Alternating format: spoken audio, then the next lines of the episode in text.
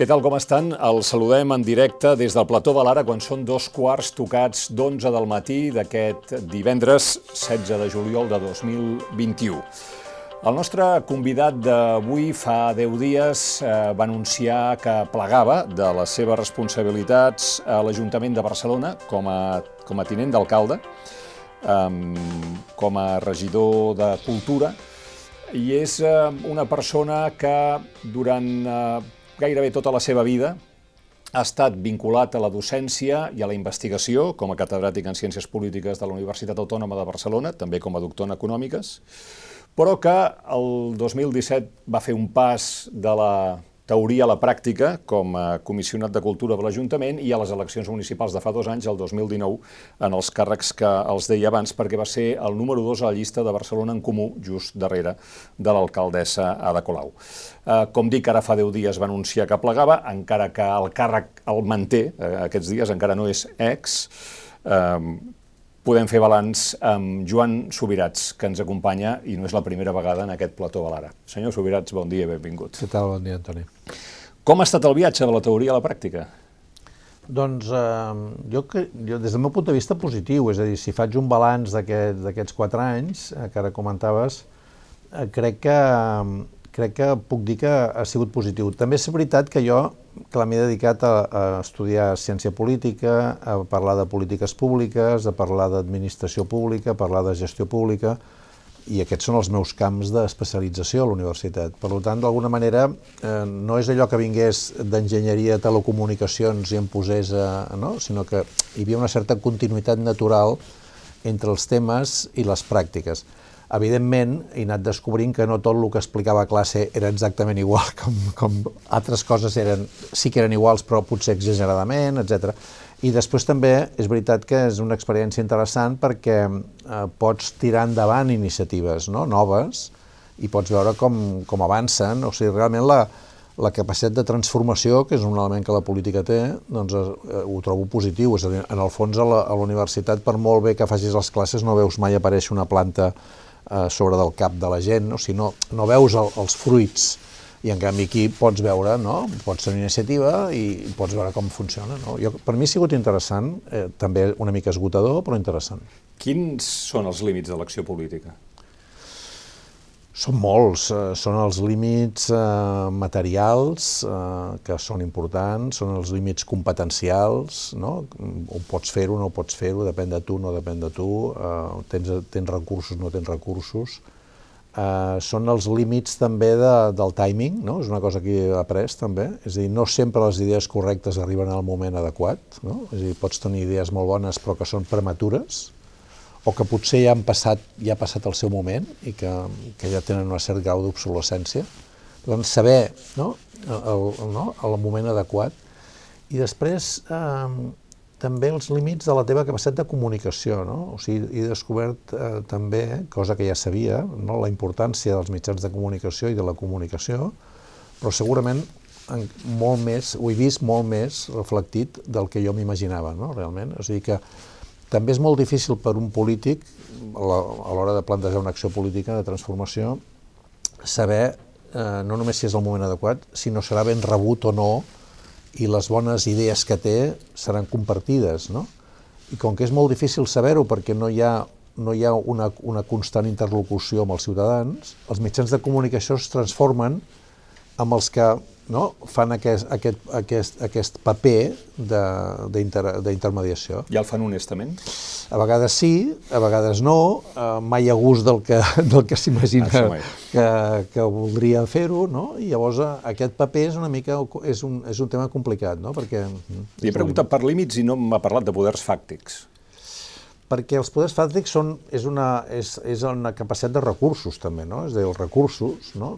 i les competències també tenen a veure amb els poders fàctics, no? És a dir, que si tu vols, eh, diguem-ne, eh, d'alguna manera jo crec que una bona acció política ha d'incorporar en el diagnòstic del problema l'existència d'aquests poders, no? És a dir, si jo vull modificar, eh, jo què sé, la situació un tema fàcil, com per exemple l'habitatge mm. a la ciutat, doncs has de saber no? que, que, hi ha una, que hi ha el que en diuen una path dependency, no? hi ha un, un camí iniciat fa molts anys que va en contra de l'habitatge públic i, i que et costarà molt revertir-ho, saps que hi ha una estructura de mercat que està molt controlada per, cert, per certs poders no? eh, i per fons d'inversió, etc que no es farà fàcil de moure, tindràs problemes des del punt de vista de disposar o no d'espai de, de, de, en a, a la ciutat que sigui de propietat teva i que puguis fer-ho. Per tant, la, els límits diguem-ne de l'acció política evidentment han d'incorporar els poders fàctics, no? però, però tam, també... Quins són els de Barcelona? Els de Barcelona, pues, eh, jo diria que aviam, hi ha una estructura de, de poder econòmic evident, no? hi ha una tendència a la, al, al manteniment d'aquesta estructura, lògicament, és a dir, aquí tens mm, el que serien la gran estructura financera, les grans empreses, no? representades doncs, pel foment, pel cercle d'economia, per les càmeres de comerç, no? Mm, això, eh, també els gremis, no? és a dir, si tu, per exemple, doncs, mm, vols fer alguna acció eh, el debat que hi ha hagut sobre terrasses històricament, mm. o ara ja, no? pues saps que el gremi de restauració és un, és un poder fàctic, no? és, i, i evidentment té organitzat el sector. No? No hi ha, no, no, no he tingut la sensació que hi hagi un poder fàctic, diguem-ne, exterior, no? com pot ser a Amèrica Llatina, per exemple, hi ha un poder fàctic que pot ser Estats Units, no? que té una capacitat, o tenia, no? o té, una capacitat d'influència molt gran. Aquí no he tingut aquesta sensació de que hi hagin a la ciutat, el que sí que hi ha, per exemple, en relació a fa uns anys, la presència de fons d'inversió molt importants, no? I per tant molt allunyats. Abans podies dir que aquest poder fàctic el puc reconèixer perquè és tal i qual persona, tal i mm. qual família, i ara això es fa més difícil, no? El BlackRock, que és un gran grup d'inversió, no sé eh, amb, qui, amb qui interlocutar, no? I això passa, per exemple, en temes d'habitatge, no? En què la seva presència és molt important, no? O, per exemple, la, la, la mobilitat de certs temes, no? El, els temes de turisme o els temes doncs, de, de, de, de, que formes part o no de certs circuits d'inversió, no? I, I fins on, per exemple, eh, aquí la, tot el que ha passat durant el procés ha tingut una influència amb l'evolució que tenia la ciutat, no? Això no sé si és, un, són, és una expressió d'uns poders fàctics, però és una expressió de fet, no? de, de realitat. No? El procés en quin sentit? En sentit negatiu? Bueno, en, en, sentit, en el sentit doncs, de que hi ha hagut, per exemple, desplaçaments d'empreses de, que s'han traslladat la seva seu no? a València o a Madrid, o aquest soroll que a vegades se sent, bueno, havíem pensat venir, però clar, eh, amb el, tal com està la cosa, doncs ens ho estem pensant, no? Aquest tipus de, de reflexions no? que tenen a veure que podia, que podia ser el procés o podia ser, jo què sé, l'agitació dels ocupes en un cert moment o, o qualsevol altre fet, no?, en un cert moment. Eh, parlant de poders fàctics, eh, la justícia. Ahir el, el, vàrem conèixer la sentència del Tribunal Constitucional que va dir que l'estat d'excepció dictat pel govern de Pedro Sánchez al març del 2020 hauria estat la solució eh, idònia i no pas l'estat d'alarma, etc. Com seran les coses que la ministra de Defensa, jutge, Margarita Robles, ha dit que al Tribunal Constitucional li falta sentit d'estat. Què vol dir tot això? Jo crec que... La, jo estic bastant d'acord amb la Margarita Robles perquè el que, el que ha dit no és que li falti... No ha dit només que li falti sentit d'estat, ha dit que, que en el moment en el que estem, diguem-ne, eh, agafar-se en paper de fumar, diríem, en, en, en català, no? És a dir, i, i anar a veure no? les disquisicions jurídiques de si era millor l'estat de setge o l'estat d'excepció, i veure si l'instrument jurídic que es va utilitzar era el més adequat segons les previsions del marc eh, constitucional, sense, eh, diguem-ne, situar aquest, aquest debat en la situació de la pandèmia i, i amb el que s'havia de fer, és una mica faltar sentit d'estat, no? Mm. Uh, el qual, el, amb el qual jo crec que hi havia una doble expressió que deia el Maria de Robles. És a dir, jo no discuteixo, uh, vostès en saben més, no? Jo no discuteixo si això era l'instrument més adequat jo el que els demano és que tinguin en compte la situació, l'escenari i què es podia fer i què no es podia fer. No? Jo crec que aquest, jo, jo amb això jo estic d'acord, és a dir, aquest 5 a 5 amb el sisè vot de l'Encarna Roca, no? Uh, diguem-ne, decantant-se en un sentit o en un altre, vol dir, vol dir que tampoc no està tan clar. O sigui, no, no, no, si no tindríem, tindríem 11 vots no? uh, a favor d'una de, determinada posició. Però vostè creu que és un gairebé empat tècnic o és polític? Jo crec que és, és tècnic i polític, perquè l'argumentari eh, del Tribunal Constitucional, eh, jo, sense haver estat a dintre, estic segur que va ser de caràcter tècnic, el qual, evidentment, no exclou que cap, cada un dels seus, dels seus membres eh, doncs expressa el, el seu background de caràcter polític. Vostè que coneix els Estats Units sap perfectament que el Tribunal Suprem tothom sap de quin color són cada un dels... Almenys sap que el president que el va anomenar. I, i les tendències, no? Perquè hi ha, hi ha uns, sí, sí, hi ha uns hearings, hi ha una, no, no, uns debats... Un rècord, sí. I uns rècords. Però, en canvi, hi ha sorpreses, en molts casos. Mm. Eh? Perquè, perquè resulta que, tècnicament, eh, diguem-ne, allò que tu imaginaves que passaria no ha passat perquè, diguem-ne, en l'argumentari que s'ha utilitzat la, la força argumentativa ha, ha lograt modificar coses. No, no li sembla eh, sorprenent o, o un indici eh, que ens parla de la, de, de la politització del tribunal que fos Vox qui va presentar el recurs i que li hagin donat la raó? Sí. Mm, és a dir, no és una paradoxa que Vox sigui el garant però, dels nostres drets fonamentals? Sí, però jo, però jo no faria, no faria aquesta, aquesta connexió, aquest nexe de, caus, de causalitat tan clar per arribar a dir Vox va presentar això, el Tribunal Constitucional, que ja sabem que són com són, doncs els hi ha fet cas i resulta que resulta que estan donant la raó a Vox en contra, no? I llavors, per ergo, tant, sí. ergo tal. Jo crec que aquí al mig hi ha algunes, diguem-ne, uh, simplificacions excessives, no? El qual no vol dir que al final diguem-ne, a l'imaginari col·lectiu aquesta sigui la percepció. No? Bueno, perquè s'instal·la això, fixis, l'extrema dreta ens ha defensat els nostres drets. Uh, Ayuso a Madrid parla de llibertat. Bueno, no sé què els hi queda a vostès a l'esquerra. Sí, Donar les males notícies, però, no? Però fixis, fixis que, que llavors si, si, si mirem més a fons el tema, veurem uh, com, com han sigut formats aquests tribunals, aquests membres del Tribunal Constitucional, d'on venen, o el Poder Judicial en general. És una estructura de formació molt corporativa, molt elitista, que tendeix a ser poc permeable, eh, que tendeix a, a mirar-se només entre ells, eh, que té unes regles de joc eh, molt determinades, eh, que tu puges per determinades... Eh... Que saps com puges i com pots caure en desgràcia. Exactament. Sí. I per tant, eh, i, i, la, i les bases, eh, diguem-ne, d'aquest sistema són bases, diguem-ne, del règim anterior. O sigui que en, encara tenim persones... De la mateixa manera que jo estic format al franquisme, i tinc 70 anys, doncs eh, molts d'aquestes persones que estan en edats similars, les seves trajectòries van ser unes i, i no, no unes altres. En el fons, el sistema jurídic administratiu de l'Estat, les seves bases originals estan a l'època de López Rodó, a finals dels 50, començaments dels 60. I això, i, i de fet va començar la democràcia sense canviar aquestes bases jurídiques, perquè o sigui, els del Tribunal d'Ordre Públic, que vostè coneix bé, Clar. van passar d'un dia per un altre a l'Audiència Nacional. Clar, llavors, per tant, vol dir que, que aquestes, aquestes path dependency, no? aquestes trajectòries històriques tenen la seva importància. Ja, I això vol dir que tenim una democràcia plena?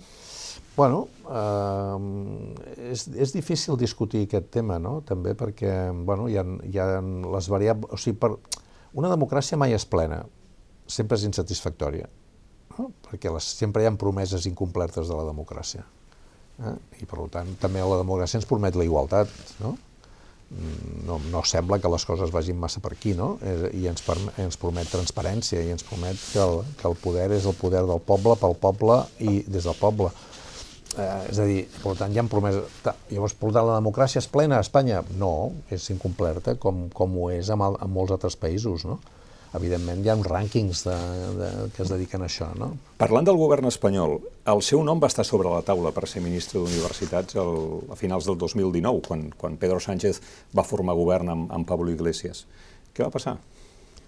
doncs que van escollir el senyor Manuel Castells, no? O sigui, això, mirant enrere passen aquestes coses, no? Bueno, eh, va... Li hauria agradat?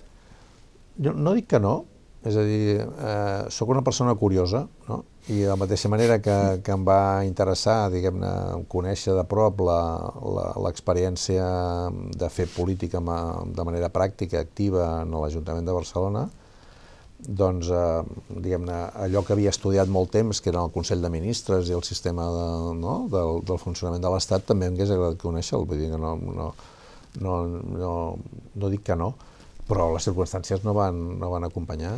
Deixi'm que li pregunti les circumstàncies és que Ada Colau li va dir sisplau Joan no marxis a Madrid i queda't al meu costat? Bueno, eh, les circumstàncies són que al final la, la, la decisió va ser, diguem-ne, escollir a Manel, a Manel Castells, no, no era una decisió que, que hagués de prendre l'Ada Colau, l'havia de prendre el president del govern.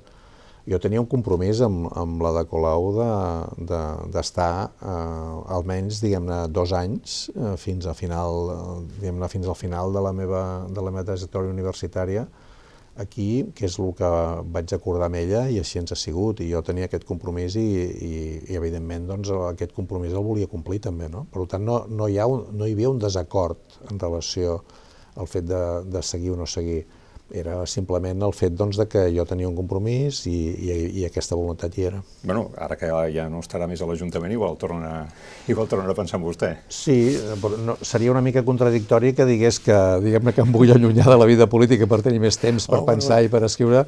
Clar, mai, mai pots dir que d'aquesta aigua ah, no en veuré. A més, eh? la curiositat. Sí, la curiositat existeix, o sigui, no li dic que no. Parlant de l'Ajuntament, avui la notícia portada a molts diaris és el baròmetre municipal que es va conèixer ahir, i a preguntes, a, a respostes espontànies, eh, el segon problema més greu a Barcelona, eh, dit pels encastats, barcelonins, naturalment, és la gestió municipal, tota ella, sense, sense entrar en detalls. Això és un suspens general? Si no vaig mal encaminat, era el 8,7% de la, dels encastats que van decidir que el segon problema, per tant, en l'ordre la prioritat, van decidir que aquest era el problema principal. Em sembla que el primer segueix sent inseguretat, sí. i després hi ha una distribució enorme de temes, mm. no? eh, que vol dir que no... O sigui, jo, jo si em llegeixo l'enquesta, després parlarem si vol de la gestió, eh? però si em llegeixo l'enquesta des del punt de vista analític, el que diria és que hi ha una dispersió brutal de temes. No? És a dir, no hi ha cap tema que concentri l'atenció dels ciutadans de manera que diguis, ostres, aquí tenim un gran problema, no? Hi ha una gran dispersió de temes. Destaca la inseguretat, perquè passa del 15% o no sé quan, i després, doncs, eh, el 8%, molt poques dècimes abans que altres, i el de la gestió. Què ens indica això?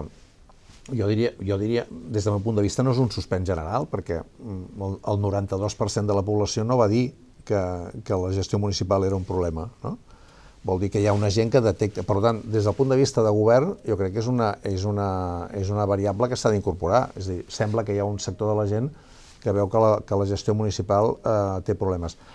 Hi ha una altra part del baròmetre que es diu, eh, es, es compara la, el govern de l'Ajuntament, la, de, de la ciutat, amb el govern de la Generalitat i el govern de l'Estat, i el que queda millor parat és el govern de la ciutat D'acord. Per hi, tant... Hi ha una altra part de l'enquesta que suspèn l'alcaldessa per quarta vegada consecutiva sí. i, a més a més, la suspèn empatada amb Collboni, amb qui s'enfrontarà a les eleccions, i amb Artadi, que, eh, que fins i tot en els últims mesos no ha tingut un perfil municipal molt, molt, molt destacat. I, a més a més, diu que Esquerra seria la força que guanyaria les eleccions. Si sumem tot això, aleshores eh, sí. no estan en el seu estem a, millor estem moment. A, estem a juliol del 21, han passat dos anys, falten dos anys, mm, diguem-ne, és una, és una enquesta que s'ha de valorar com, a, com una senyal. De, des del meu punt de vista, eh, és important veure les trajectòries dels baròmetres, no?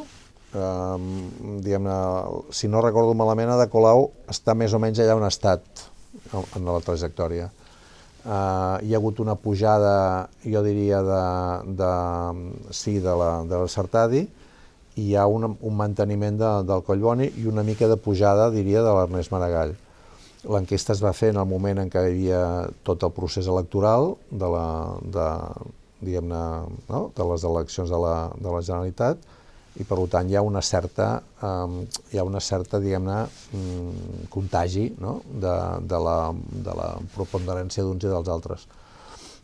No em sembla que sigui especialment, diguem-ne, greu, no?, els resultats. És a dir, eh, si, si vostè compara aquests resultats amb els que es fan sobre, la, sobre el coneixement i, el, i la valoració dels ministres del govern, em sembla que no hi ha ningú que aprovi. Eh? Eh, potser estan al voltant del 5. Aquí, sobre, sobre 10, l'únic que, que passa del 5 és l'Ernest Maragall, tots els altres estan per sota. No, no, la política no té una, un nivell, diguem-ne, de, de, d'allò de, de felicitat molt alta en relació als, als ciutadans. No, ja ho entenc, el que passa que de Colau ja ha sigut alcaldessa un, un primer mandat, quatre anys, ara ja en porta dos, són sis. Sí. Uh, semblaria que el projecte no acaba d'enlairar-se, potser perquè no s'entén o perquè no se sap ben bé quin és el projecte que tenen vostès per Barcelona. Jo, jo crec que, jo crec que el, uh, la lectura que fa vostè és, és possible fer-la. Jo, jo en faria una altra, no? És a dir, han sigut quatre anys, uh, van passar de no existir com a força política a governar la ciutat, no? Eh, és a dir, de 0 regidors eh, a 11, no? I, i es va governar en 4 anys eh, amb, una, amb una llista electoral, en aquell moment ja no hi era, però que recordo que moltes de les forces vives de la ciutat deien és la primera vegada que no et conec eh, a ningú de la llista, no tinc cap telèfon dels de la llista, allò parlant abans de poders fàctics, mm -hmm, sí, sí. I, i han sigut 4 anys. Mm, després, a les, segones, a, la, a, les, a les següents eleccions, es va quasi ben empatar amb Esquerra Republicana, i per les circumstàncies es va governar durant, durant quatre, eh, es governa durant quatre anys més, aquesta vegada en coalició amb els socialistes, amb els quals hi havia hagut un, un procés hi havia hagut un procés de, de, de govern de coalició abans.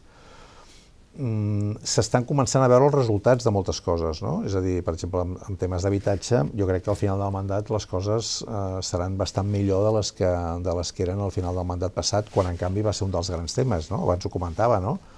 La, els socialistes a París han tardat 20 anys a passar del 13% d'habitatge públic al 22%, 20 anys. Aquí es va començar amb l'1%, perquè no hi ha hagut mai habitatge públic, i veurem amb, amb quin percentatge el veurem acabar al final d'aquest mandat. Quin esperen?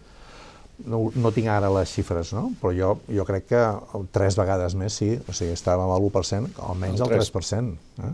Jo crec que seria, seria desitjable poder arribar a, a uns resultats similars, no? Eh, amb, amb temes de, de... Hem passat una pandèmia, no? Amb temes de, de, de capacitat econòmica. És, tenim el pressupost més alt eh, de mai de l'Ajuntament de Barcelona. Ara estem esperant els temes del Next Generation i els fons europeus. Um, és la ciutat uh, amb, el, amb el nivell científic, que no es pot atribuir a l'Ajuntament, òbviament, amb el nivell científic, universitari eh, i de ciència més alt de l'Estat, eh, eh, molt per sobre del de, del de Madrid. Eh, hi ha un procés de, de reconversió de la ciutat des d'una lògica, és a dir, jo recordo fa uns anys, quan entraves a la web de l'Ajuntament apareixia una paella a la platja i Gaudí. Que sí, la... una, una tripleta que també li ha portat algun mal de cap. Exacte. Perquè Gaudí no, pot, no hauria d'anar de la mà de la paella i de la platja, no? Exacte.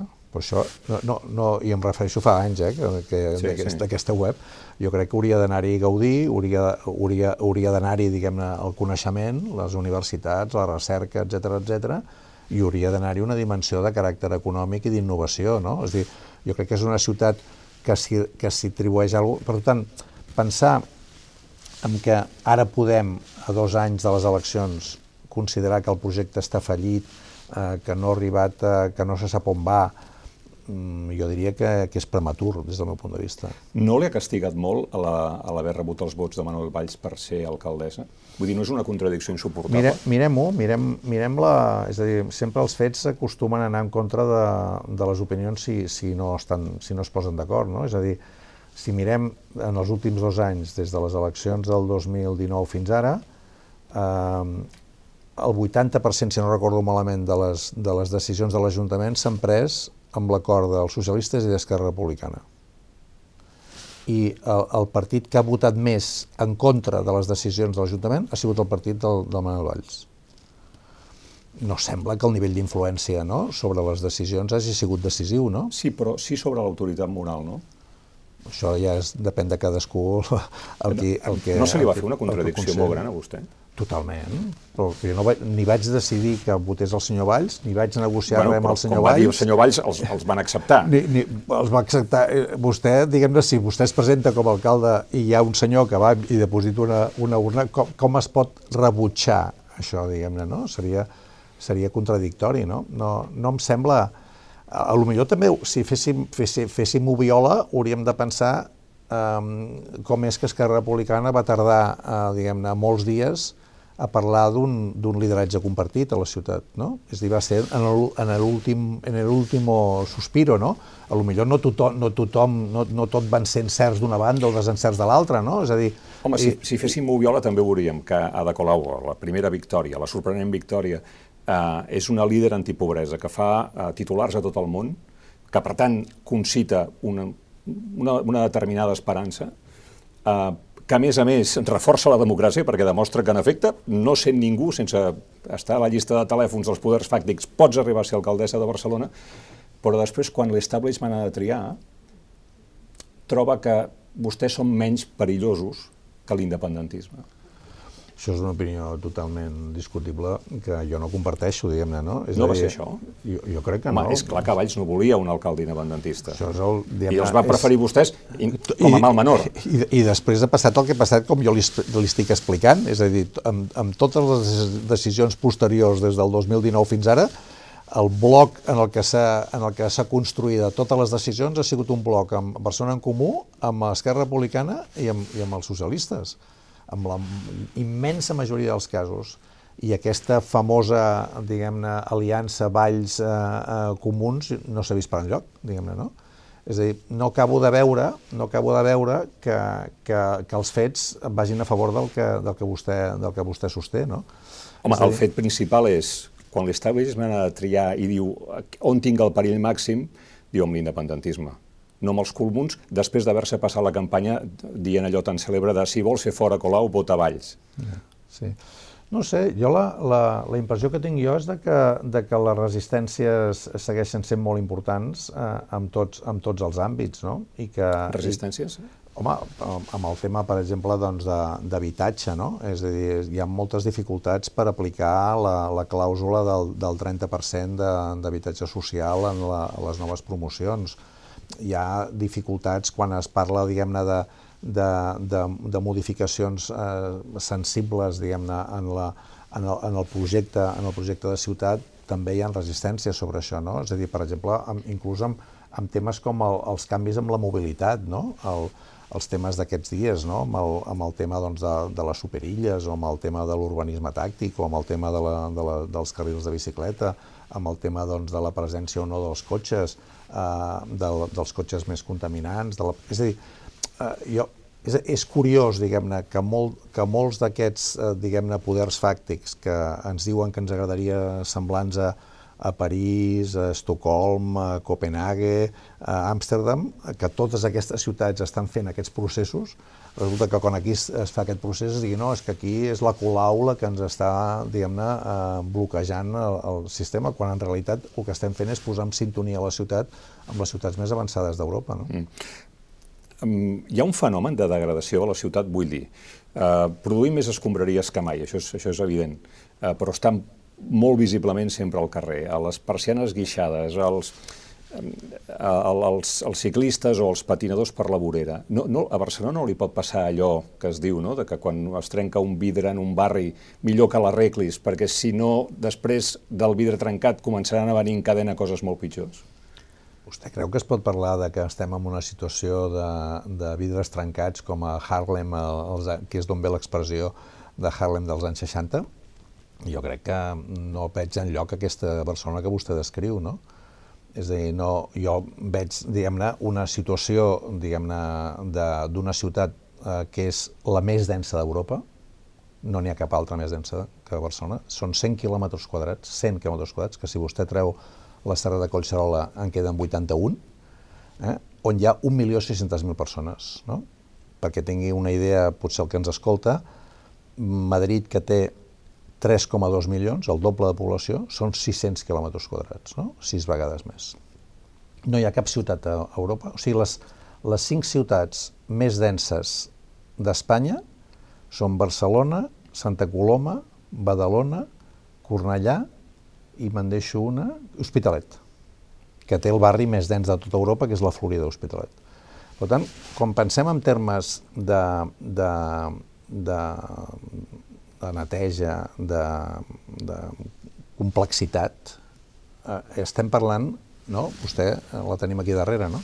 estem parlant d'una ciutat enormement densa, enormement complexa, amb un nivell d'heterogeneïtat i d'ús altíssim. Cada dia arriben mig milió de persones a la ciutat que la usen. Amb el, ara no en tenim tants, però amb un nivell de visitants, diguem-ne, de fora també espectacular, i amb una contracte de neteja que és impressionant des del punt de vista de cost i que té una, una capacitat de, de manteniment de la ciutat que és alta. Evidentment hi ha pujades i baixades, hi ha moments en què, en què les coses doncs, són més difícils o menys. Jo no estic veient aquesta ciutat degradada de la que vostè comenta. Evidentment, repeteixo, eh, això no vol dir no acceptar que hi ha problemes, no? però també hem de veure el context en el que ens movem. Eh? Quin és el gran projecte que vostès poden compartir amb, amb tota la ciutat, amb, amb el, la resta de grups? Home, jo diria que aquesta, aquesta, aquesta ciutat, diguem-ne, eh, que es preocupa per la, per la cura de la gent, que es preocupa per, per reduir les desigualtats, que es preocupa per, per tenir un model de ciutat eh, innovadora, creativa, vinculada als, als temes de recerca, als temes de ciència, que dongui una perspectiva de futur per la gent que no expulsi els seus habitants i que sigui capaç, diguem-ne, de trobar eh, i d'oferir habitatge a preus raonables en, en, la, en la seva gent. Que, que mantingui una bona connexió amb l'espai metropolità, eh? que per tant que generi aliances amb el, amb el que és l'espai natural de la, de la ciutat, que és la regió metropolitana, sense jerarquies, és a dir, buscant relacions, diguem-ne, que, que, que projectin aquesta regió de 5 milions de persones eh, més enllà del, dels límits de, del, que és, del que és cada, cada una de les ciutats. I que, a més, eh, diguem-ne, eh, dongui una qualitat de vida eh, notable, jo crec que això és una, és una, és una voluntat clara de la ciutat i d'aquest projecte, diguem no? Mm. Jo crec que aquesta, aquest... És a dir, no m'imagino un projecte que posi per davant, diguem-ne, el desenvolupament econòmic, però que, que diguem-ne, que minusvalori la importància de la, de la igualtat. No m'imagino un projecte que, que vulgui posar de relleu molt eh, que això és una ciutat oberta per tothom que vulgui arribar, però que al mateix temps, diguem-ne, no, no cuidi aquesta gent. Una ciutat que en 20 anys ha passat d'un 1% de persones nascudes fora de l'Estat al 28%, en 20 anys, eh? de l'1% al 28%. Una ciutat que en aquests moments, si vostè mira el, els resultats de les, de les últims accés a la universitat, veurà el canvi de pell, de color i de, i de, i de, i de noms del, dels que estan estudiant i dels que estan treballant. És una ciutat que està, diguem-ne, jo crec, cada vegada més situada en el context internacional de les ciutats més importants d'Europa. De, I per això necessita ampliar l'aeroport? Des del meu punt de vista, això és una, és una, és una certa contradicció que existeix, no? Uh, és a dir, um, jo crec que um, si vostè va a Tòquio, diguem-ne, diguem aterrarà a 70 quilòmetres de la, del centre de la ciutat, uh, i si vostè va a Milà, uh, tardarà tres quarts d'hora a arribar al centre de Milà, i a Barcelona tenim un aeroport, tenim la sort de tenir un aeroport eh, a, a, a un quart d'hora, però que tenim la mala sort per alguns, la bona sort per altres, de que està al mig d'un parc, parc agrari, d'una zona, diguem-ne, eh, d'aigua que permet, diguem-ne, les nidificacions d'ocells i que manté un espai natural bastant insòlid al costat d'una gran ciutat, sobretot si la comparem amb l'altra banda, la part nord de la ciutat, que està totalment densificada. No? Per tant, podem trobar un equilibri en el, que, en el qual mantinguem la capacitat de ser un hub a nivell internacional, que entenc que la, la importància per, de, que, del que vostè assenyala és que hi hagi molts vols directes, no? és a dir, que siguem un espai que pugui volar directament. Però al mateix temps podem articular-ho més clarament, per exemple, doncs, amb, amb Girona, amb Reus, podem fer que, que la, els vols de, de radi més curt, de dues hores, puguin començar a cada vegada més ser utiliz, uh, intercanviables amb tren, jo crec que això és possible, no?, si ho treballéssim. És a dir, no, tinc per què, no, no entenc per què l'única alternativa que tenim de cara al futur és sigui exactament la contrària a la, a la, que, a la que des del punt de vista ambiental s'està treballant també en altres àmbits. No? Ahir el, el president d'AENA, Maurici Lucena, a Barcelona, en un acte va dir home, em sembla mentida que ve l'Estat amb 1.700 milions d'inversió a l'aeroport del Prat i ara resulta que ens fem els estrets. El, sí, aquest, aquesta, aquesta empresa privada que és AENA, no? que, que diguem fa de lobby en aquest tema, i que, que ha preparat aquests informes, també estaria bé que fos capaç d'acceptar que això és un debat que podem tenir tots, no? i que no vagi per davant, diguem-ne, no vinguin la bossa dels diners eh, fent, fent tintinejar per diguem si això genera un canvi. Quan, quan al mateix temps vostè diu això, ell llegia una entrevista, em sembla que era a amb la senyora von Leiden, en què deia que l'emergència climàtica és, el, és el, el, el, el, el punt número 1 el senyor Lucena podria anar a Brussel·les i preguntar-los què opina, no? Eh, què opina Brussel·les sobre l'ampliació de l'aeroport, sobre, sobre els espais ANSAR de nidificació, no? i veure aviam quina, quin resultat obté. Bueno, diu que d'aquí uns anys els avions ja aniran amb hidrogen i... Bueno, doncs d'aquí uns anys potser podem parlar de, de l'ampliació de l'aeroport. De manera que 1.700 milions és un xantatge? Bueno, 1.700... jo, jo entenc que eh, si, si, o sigui, també la ciutat ha d'acceptar qualsevol persona que vingui amb diners i eh, el faci així i, i, i això, vostè em pregunta per una banda pel model de ciutat que li estem oferint als ciutadans i per l'altra em diu que qualsevol persona que vingui amb 1.700 milions pot fer el que vulgui amb la ciutat. Home, jo diria... No, no, jo no dic això, no, eh? no, no, ja... el que diu el senyor Lucena. Sí, eh? sí, però, jo, no, però sí, sí. de la manera com m'ho ha presentat semblava que podria ser una, una alternativa d'aquest tipus, és a dir, no? És a dir, podem, podem, pot realment una ciutat que busca, que vol treballar amb el seu futur rebutjar 1.700 Val, milions? Entesos. Per tant, ampliació sí, però no, o sigui, hem de fer-la compatible amb, amb Girona, amb Reus... Home, sí, és a dir, treballem per, per aconseguir que, que Barcelona no perdi aquesta capacitat de connexió, però no acceptem que això sigui a canvi de sacrificar-ho tot, diguem-ne, no? Parlant de gent que ve amb una bossa de diners a Barcelona, tenim l'Hermitage, que això entra dintre mm, clarament del seu negociat.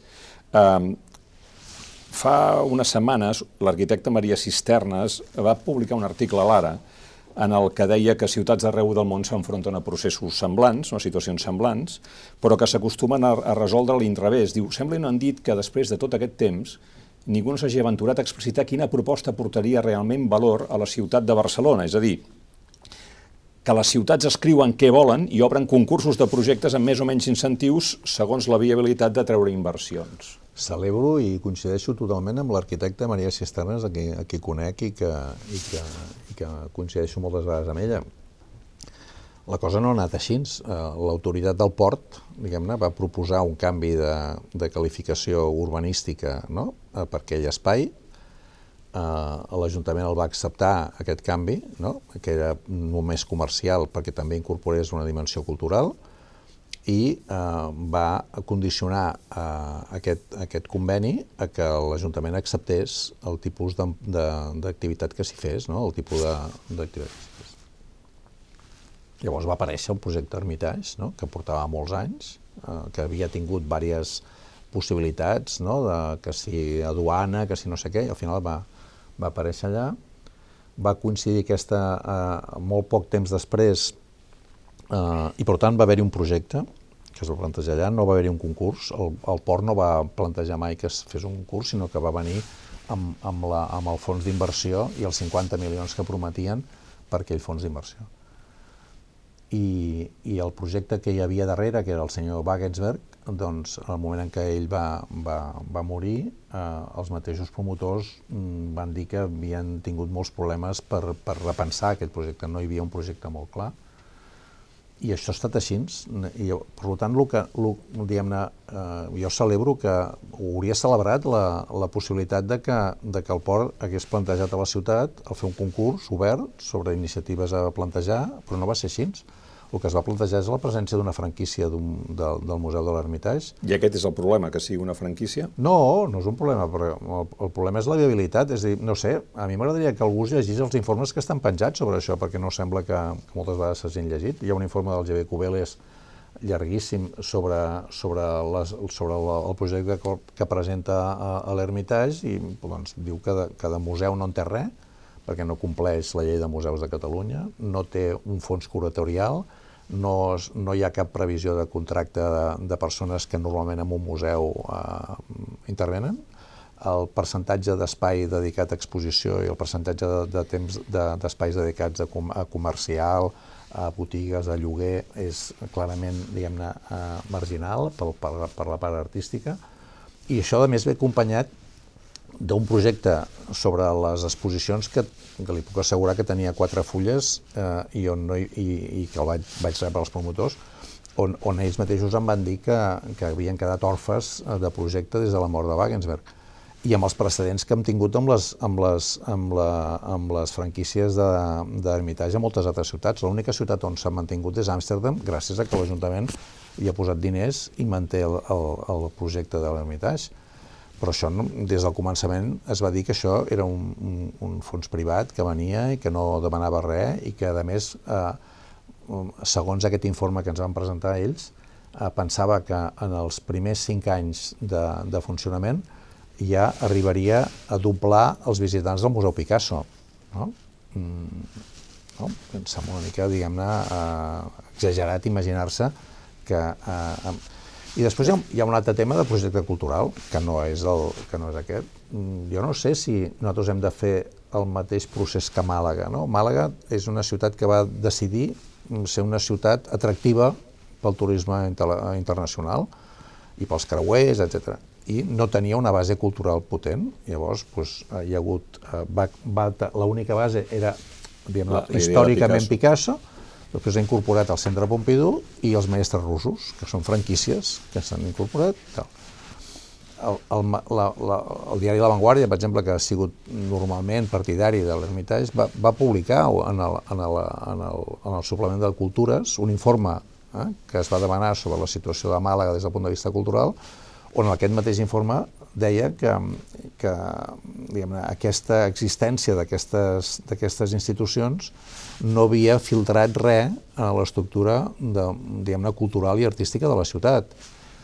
Podem comparar Màlaga amb Barcelona? És a dir, nosaltres aquí tenim, diguem-ne, tres museus unipersonals, no? Picasso, Miró, Tàpies. Tenim Menac, eh, tenim MACBA. Tenim eh, el CCDB, i tenim una estructura, diguem-ne, cultural, jo diria, notable eh, per, per la que és la ciutat. Hem d'esperar realment que l'Hermitage ens, ens resolgui algun d'aquests temes? Algú ha parlat amb, la, amb aquests equipaments culturals de la ciutat i els he dit fins a on eh, entenen o no entenen que l'Hermitage seria una opció? Jo he parlat eh, amb aquests equipaments i no em sembla que hi hagi entusiasme en relació a això. No, diuen que no, és clar, és que eh, és un competidor. No, no és un competidor. La cosa seria, si, si vostès no volen, què és el que volen? Pues nosaltres ja ho hem dit, en part. No? Per exemple, doncs, hem, hem dit trobem, trobem, un, una, trobem un, un tipus de plantejament d'instal·lació. Primera, que la, la responsabilitat és del port, eh? però nosaltres podem arribar a un acord amb ells, d'acord? Per exemple, ha, ha aparegut l'opció al Liceu, no? Mm. Bueno, això era un canvi important, no? perquè ja no era, diguem-ne, una operació d'aterratge, no? sinó que era, era una operació més situada, a la qual hi havia possibilitats d'arribar a un gemelage entre l'aportació internacional i l'aportació d'aquí. En aquell espai no hi cap. No? O sigui, l'espai, la, la mateixa gent del, del Liceu pues, ha arribat a la conclusió que ells tenen molt interès en fer una òpera experimental, però no, en aquell, no, no hi cap en aquell espai, perquè no és compatible les dues coses. No? Hauria de canviar-se la, la qualificació urbanística i ampliar-ho cap a fora. Molt bé. Això seria una possibilitat. El, el port pot iniciar el tràmit per canviar allò i veuríem si això té sentit o no. Seria sobre la base de sacrificar la facultat de nàutica que anava, que anava en aquell espai al costat. No? Al costat. Va aparèixer una possibilitat de fer un, una, una alternativa que era Urbantec, no? que era la possibilitat de generar un, un espai que relacionés eh, l'experiència de, la, de la IAC, dels Fab Labs, de la, de la, de la innovació en el, en el camp tecnològic, amb tota la lògica de, la, de les polítiques urbanes, que és una de les característiques significatives de la ciutat. I, va, i es va començar a, a gestionar això i com una alternativa possible. Per tant, alternatives en poden sortir, diguem-ne, no? No, no és que... I, i des de l'Ajuntament, diguem-ne, no estem bloquejant aquest, aquest procés. Com repeteixo, jo crec que ara canviarà la cosa. Tinc la sensació de que eh, la nova direcció del port, diguem-ne, eh, repensarà les coses, ho veurem, no? Mm. I els Jocs Olímpics del 2030? Avui he llegit que hi ha una pista d'esquí a, a Suïssa que porta la neu amb helicòpter, perquè es veu que els hi falta neu, no? Llavors, eh, hauríem de veure potser eh, una mica què passa amb els Jocs Olímpics d'hivern. Eh? És a dir, eh, a la, cada vegada serà més complicat. Jo crec que si la, la, la meva sensació és que si és una aposta de territori, de país, eh, el dels Jocs Olímpics, la demanda d'aquests Jocs Olímpics, hi ha un lideratge no? eh, des del punt de vista de, de país i, de, i del territori no? que, que pot necessitar i pot voler aquest tipus d'iniciativa, des de la ciutat i hem d'estar-hi d'acord. Aquesta és la meva, la meva sensació. Però hem de, i per això començava amb aquesta notícia, hem de tenir en compte la, la situació en la que estem des del punt de vista climàtic. Eh? Qui seria el líder? Perquè l'any 92 estava clar, era l'alcalde de Barcelona, però ara perquè a més a més és a Barcelona, però és als Pirineus, però no és només els Pirineus catalans, sinó també a Andorra, pues, a, a Aragó, fins i tot a França. Hem de trobar, hem de trobar aquesta, aquesta, aquesta candidatura, no? que és una candidatura que ha de ser de ciutat, no? perquè normalment són candidatures de ciutat, però que normalment també tenen una dimensió territorial. La, la possibilitat de que hi hagi aquest, aquest acord jo crec que, que és possible. Però veu Ada Colau liderant jo, la intenció jo crec, olímpica jo, jo crec, de Barcelona? Jo crec que, repeteixo, eh, em sembla que si, que si des del territori, des del territori, des del, des del país es vol tirar endavant aquesta iniciativa, la ciutat hi serà. Aquesta és la meva sensació. El qual no vol dir que la iniciativa sigui nostra, no? sinó que hi serem perquè estarem a favor de que això pugui passar. Ara hi estan? Jo crec que sí, a favor de que passi. Mm. Si, si hi ha aquest lideratge des del territori, des del país, sí, clar. Mm. Parlant de lideratge i de futur, Ada Colau es presentarà a les eleccions del 2023? Això ho ha de decidir ella. Eh? Jo, a mi m'agradaria que es tornés a presentar. A mi personalment m'agradaria que tornés a, i que tornés a guanyar. Aquesta, per mi, jo crec que eh, els 12 anys, els 13 anys que va estar Pasqual Maragall eh, eh, d'alcalde de la ciutat van fer que, que la ciutat recuperés molts dels elements perduts durant el franquisme i es va fer ciutat jo crec que eh, si hi haguessin 12 anys de Colau es canviaria l'agenda de la ciutat en un sentit positiu des del meu punt de vista. És a dir, hi hauria un nou, un, un nou sentit de ciutat que crec que valdria la pena i hi hauria capacitat per acabar-ho. Però això ja no depèn de mi, depèn d'ella que es vulgui presentar. Per què no ho anuncia? No, doncs no ho sé, tindrà les seves raons. a lo millor pot... Però hi ha, hi ha algun dubte? O, no, no, o és una qüestió d'oportunitat? Jo, jo crec que és una decisió personal seva que ha de, que ha de decidir assumir aquest tema. Eh? Jo, jo la veig amb, amb ànims, eh? o sigui, la veig amb, diguem, amb ànims i amb, i amb força. I per tant no m'extanyaria que ho hagués fent, però mm, és, és ella la que ho ha de decidir. Joan Subirats, moltes gràcies per haver passat pel plató de l'Ara. Gràcies a vosaltres. I molta sort en el futur, suposo que ens continuarem retrobant. Molt bé, moltes gràcies. A vostès també, gràcies per haver-nos vist. Si ens volen deixar els seus comentaris al peu de la finestra on han seguit l'entrevista, seran com sempre benvinguts. Fins una pròxima ocasió.